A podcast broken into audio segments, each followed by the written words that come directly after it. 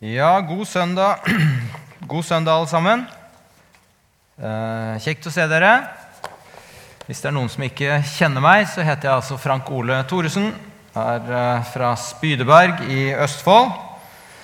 Eh, far til fire. Har vært misjonær i en del år i Etiopia og jobber på Fjellhaug. Har vært, er rektor på Høgskolen på Fjellhaug. Eh, flott også å høre fra Indonesia. Jeg var, eh, talte for eh, ungdomsforsamlingen her i går kveld og hadde fått tema 'Sendt til folkeslagene'. Og det er flott å kunne tale om misjon til en stor ungdoms, eh, ungdomsgjeng. Og så er det fint å se utover eh, dere som har kommet på gudstjeneste i dag også. Eh, Det er eh, eh, flott at vi kan samle mange mennesker hver søndag, også en solfylt søndag i mai, som vil komme og høre Guds ord forkynt. Og så vet vi at dette er bare én av tre NLM-forsamlinger i Oslo. Det er det grunn til å glede seg over. Søndagens tekst den er hentet fra Johannesevangeliet, kapittel 15, vers 1-8. Og vi leser i Jesu navn.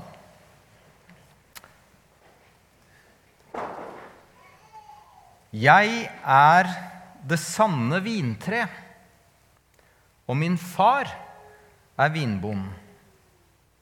Hver grein på meg som ikke bærer frukt, tar han bort.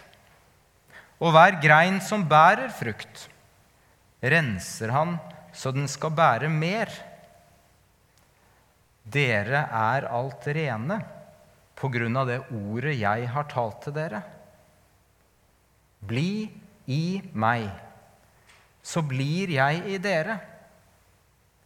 Slik som grenen ikke kan bære frukt av seg selv, men bare hvis den blir på vintreet, slik kan heller ikke dere bære frukt hvis dere ikke blir i meg. Jeg er vintreet, dere er greinene. Den som blir i meg og jeg i ham, bærer mye frukt. For uten meg kan dere ingenting gjøre. Den som ikke blir i meg, blir kastet utenfor som en grein og visner. Og greinene blir samlet sammen og kastet på ilden, og de brenner. Hvis dere blir i meg, og mine ord blir i dere, da be om hva dere vil, og dere skal få det. For ved dette blir min far æret, at dere bærer mye frukt og blir mine disipler. Slik lyder Herrens ord.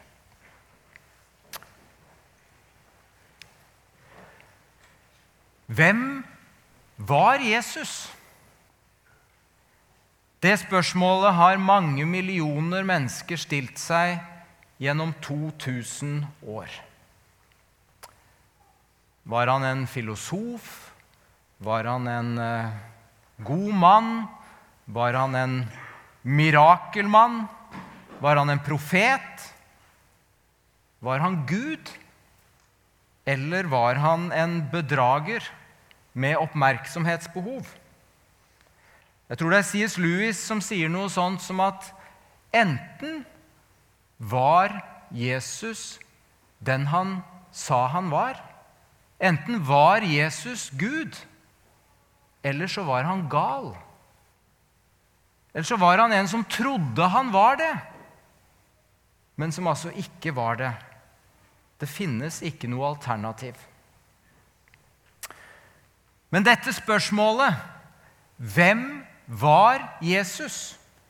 Det spørsmålet er liksom det store spørsmålet gjennom Johannes evangeliet. Og Johannes han begynner sitt evangelium med den kjente prologen. Og så slår han fast liksom fra det første verset i Johannes evangeliet. I begynnelsen var Ordet, Ordet var hos Gud, og Ordet var Gud. Jesus var Gud.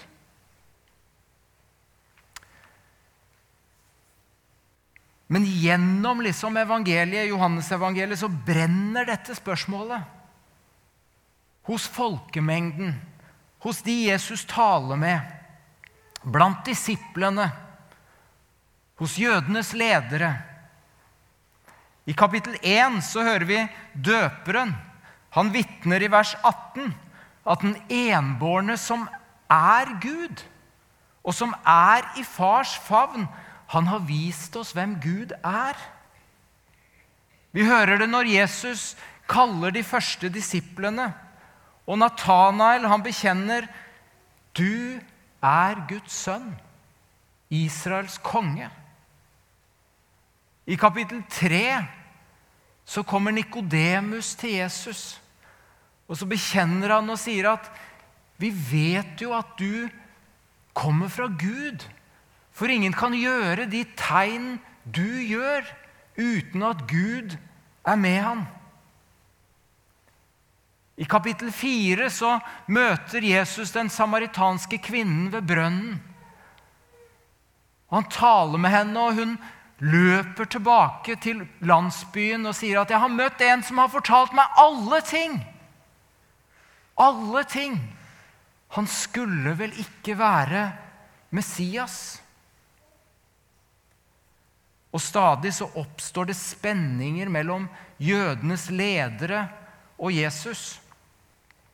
Og allerede i kapittel 5 i Johannesevangeliet så får vi høre at jødene har bestemt seg for å drepe ham. Fordi han gjør seg selv lik med Gud. Og Jesus' svar på dette spørsmålet gjennom Johannesevangeliet det er gang på gang en rekke utsagn som begynner med disse to kjente ordene 'Jeg er'. Og så er det liksom Jesus' selv, presentasjon. 'Jeg er'. Jeg er veien, sannheten og livet. 'Jeg er den gode hyrde'. Jeg er det sanne vintre. Og For oss så høres det kanskje bare ut som om Jesus på en måte bruker bilder og noen enkle fortellinger for å presentere seg selv. Men samtidig så er det jo flere lag av mening i det Jesus sier. Og disse Lagene av mening kunne ikke jødene la være å legge merke til.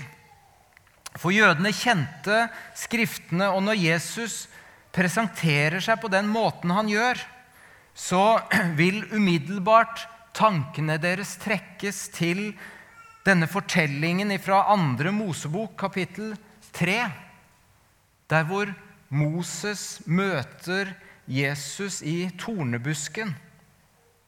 Og det står i kapittel 3, vers 13-15. Da sa Moses til Gud.: Sett at jeg går til israelittene og sier til dem:" Deres fedres Gud har sendt meg til dere. Og de så spør meg, Hva er hans navn? Hva skal jeg da svare dem?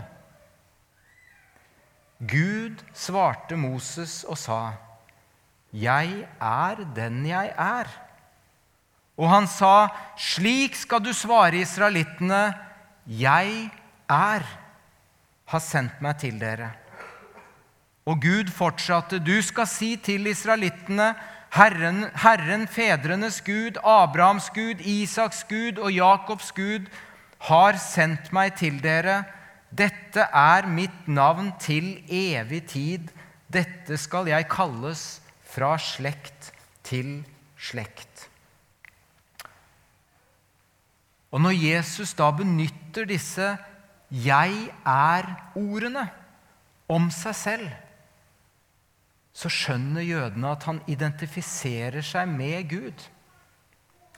Og Samtidig så er det en slags tvetydighet som utfordrer og setter tilhørerne på valg. For hvordan skal vi forstå dette? Hva betyr det egentlig? Hvem, hvem er han egentlig?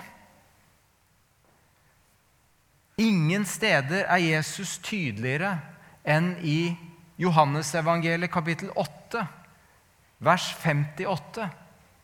Der sier han Sannelig, sannelig, jeg sier dere, før Abraham var, er jeg.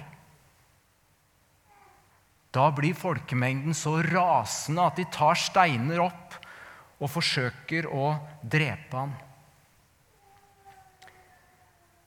I vår tekst fra kapittel 15 så er vi midt inne i det som kalles for Jesu avskjedstale til disiplene. Jesus tar avskjed med sine. I kapittelet foran så har han igjen forklart disiplene at han skal gå bort. Men han har talt trøstende ord om at de ikke skal være redde. At de ikke skal bli overlatt til seg selv, men at han skal komme til dem igjen på en ny måte. Han går til Faderen, men Den hellige ånd skal trøste dem og lære dem. Og I forlengelsen av dette så understreker Jesus igjen at han er. De trenger ikke frykte for noen ting, for han hører sammen med Gud. Han hører sammen med Faderen. Han og Faderen er ett. Og han hører også sammen med sine. Og for å understreke den samhørigheten så benytter altså Jesus bildet av vintreet. Gjennom Det gamle testamentet så var vintreet symbolet på Israel. Eh, på gamle israelske mynter så ble f.eks. vintreet og vingården ble benyttet som et nasjonalsymbol. Eh, men det var også et ambivalent symbol.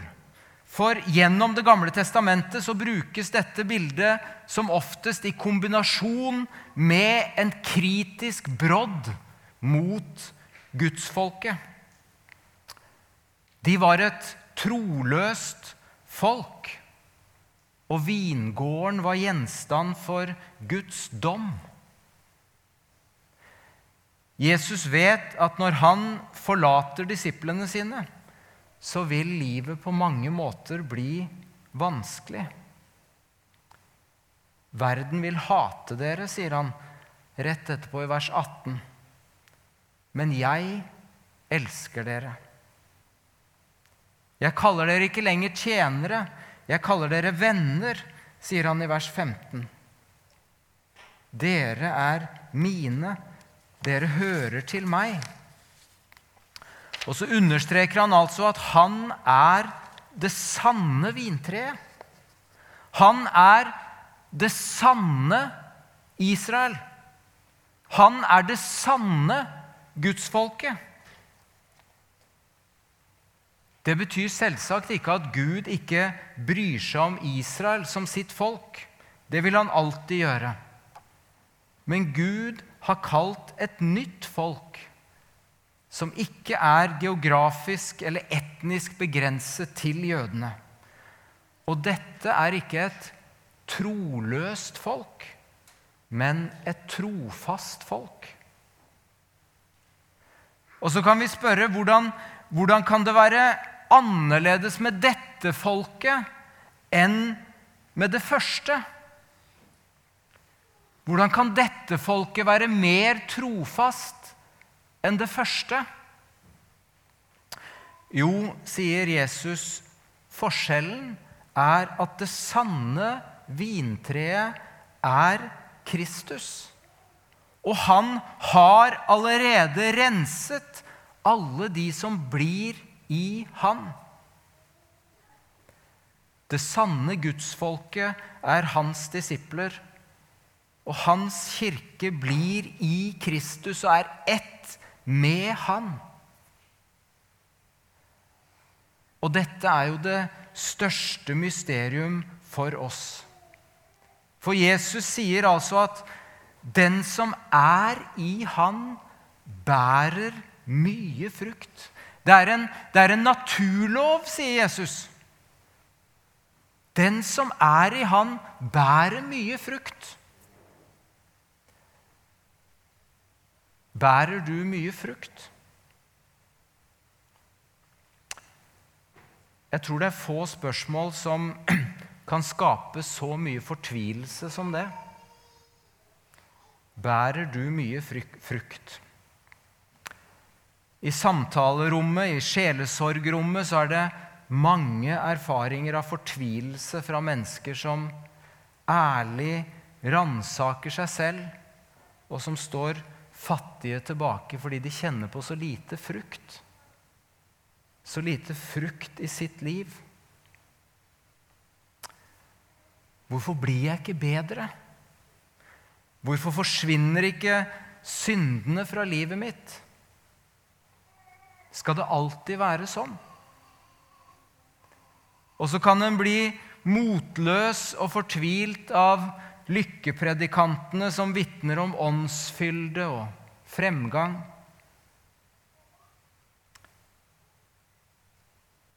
Hva betyr å bære frukt?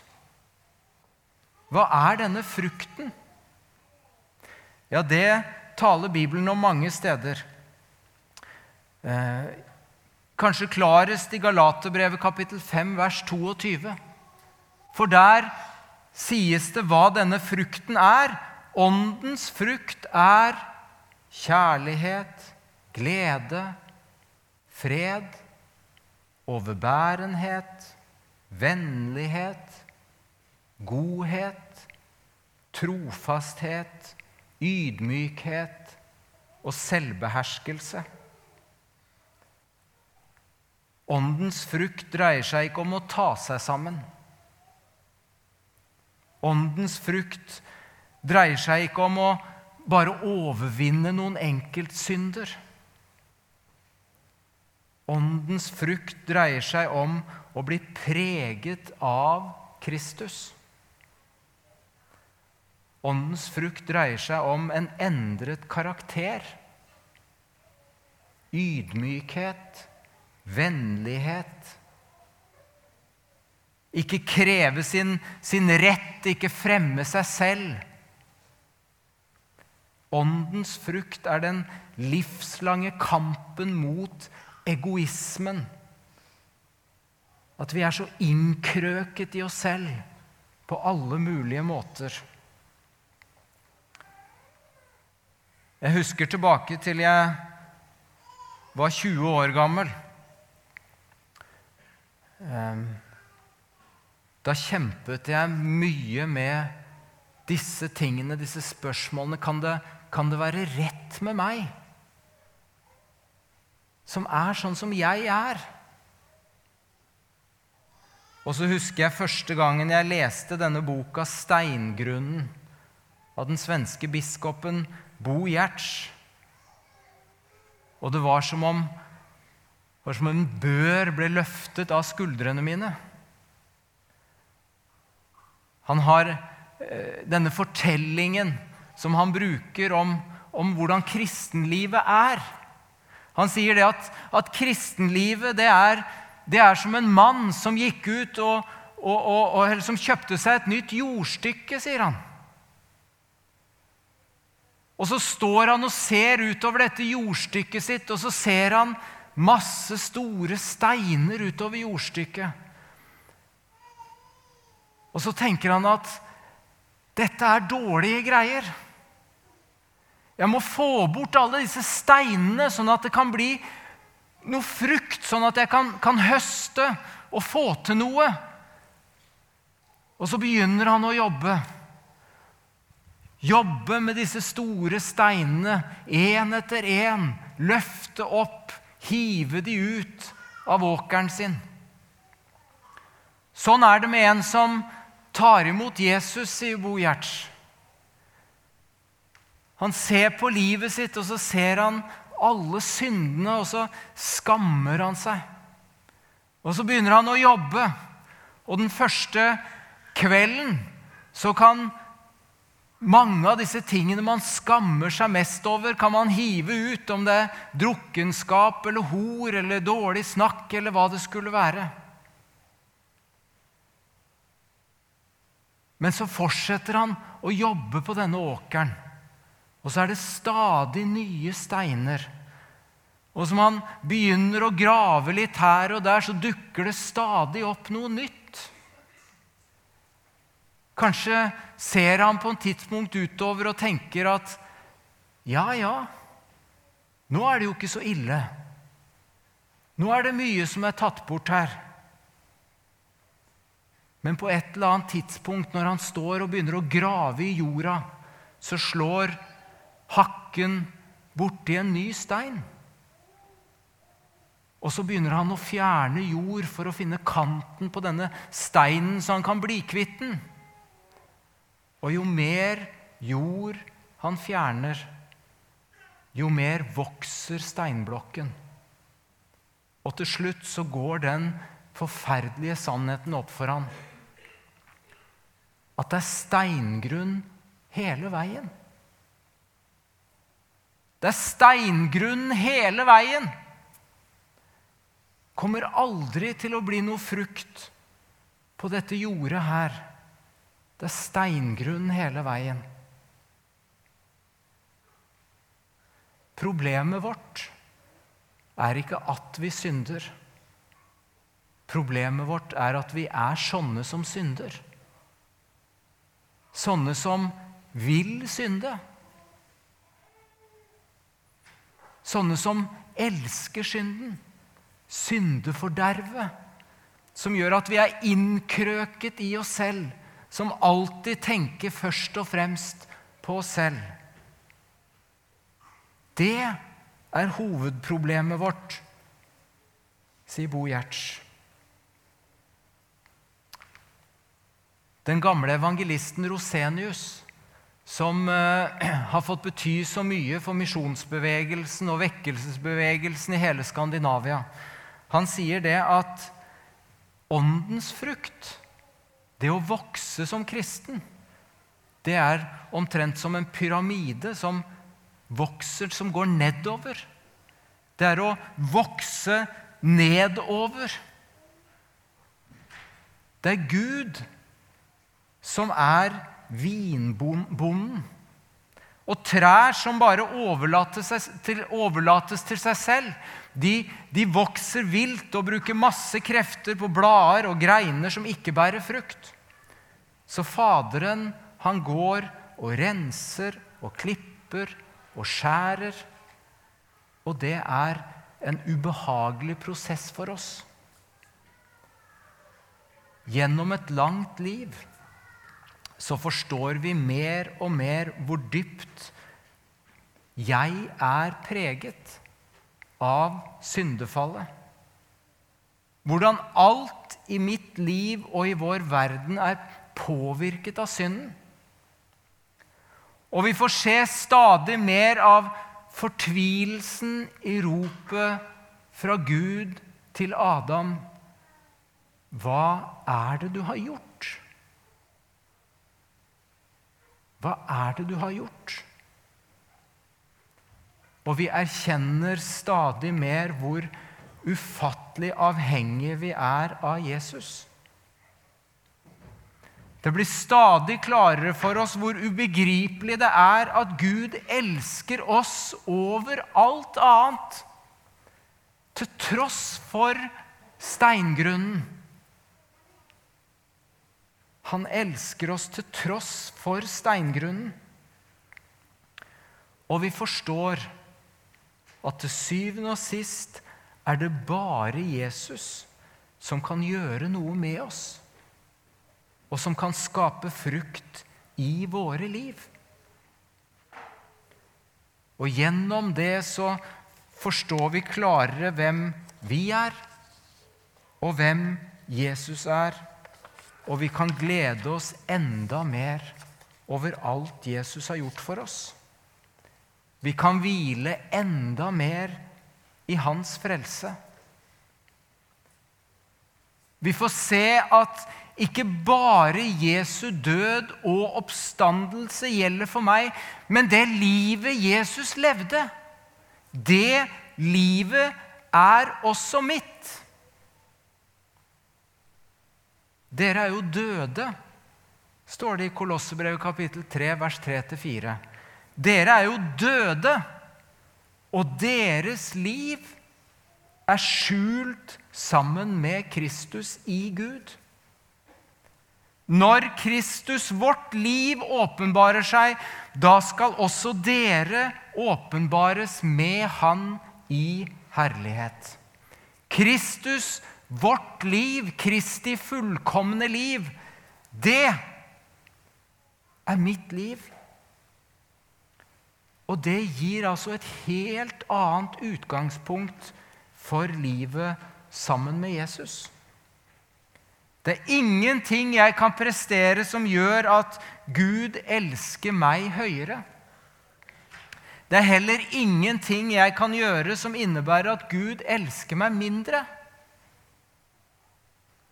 Du har allerede fått Jesu fullkomne liv som en gave. Kontrasten til den som bærer mye frukt, er den grenen som vil bære frukt av seg selv. Den grenen som ikke henger sammen med treet. Som ikke får sin livskraft fra Han som er livgiveren, men som vil ta seg sammen og skape frukt på egen hånd. Som vil strø litt jord ut over steingrunnen og prøve å gro litt sånn på toppen som vil vise seg frem, og som er mest opptatt av sine egne egenskaper og gaver, og som selv søker ære for frukten. Uten meg er dere, kan dere ingenting gjøre, sier Jesus. Bli i meg. Det er ordren. Det er oppdraget vi har fått. Den som blir i meg og jeg i han, bærer mye frukt. Den blir renset av Faderen. Og så er det altså et slags sånn håpløst paradoks her. At vi ønsker å vokse, vi ønsker å bli bedre, vi ønsker å bli renset. Men renselsesprosessen kan være ubehagelig og vond. For dess mer Gud klipper av oss, dess mindre har vi å skryte av. Og så klamrer vi oss fast til Kristus og fortsetter å være hans disipler. Og I vers 7 i teksten vår så understreker Jesus at det å fortsette å være disipler, og at han skaper frukt i våre liv, det står i en nær sammenheng med ordet og bønnen. Å bli i Jesus innebærer at Jesu ord blir i oss.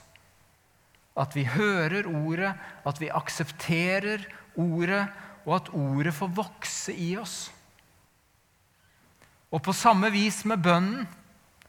Vi sier jo gjerne at bønnen er å slippe Jesus inn i livene våre. At ordet og bønnen får komme til også i de mørkeste krokene i livet vårt. Be alltid. Det er Guds tilbud til oss. Gud elsker oss på en slik måte at han vil være med oss i alle ting. Hver eneste dag, i alt det du gjør. Der vil Gud være med og være til stede. Og vi kan slippe han inn i livene våre. Men bakenfor alt dette så ligger det også en advarsel. Det er noen grener som ikke henger sammen med treet. Og de greinene bærer heller ikke frukt. Og greiner som ikke henger sammen med treet, får ikke næring. De visner, De samles sammen av bonden, og de hives på bålet. Ikke fordi de ikke prøvde hardt nok, ikke fordi de ikke tok seg sammen, men fordi de ikke ble i enheten med Kristus. Fortellingen om vintreet er først og fremst en fortelling til trøst for oss som vil være hans disipler. Men fortellingen bærer også i seg alvoret og advarselen om at det er mulig å slippe taket. Det er mulig å takke nei til han som ønsker fellesskap med oss. Og uten han står greinene snart tomme tilbake, uten frukt for både liv og evighet. Og fikk jeg kun være den minste kvist på vintreet ditt, Herre Jesus Krist. Og måtte så aldri vi skilles igjen, men elske og elskes som venn hos venn. Amen.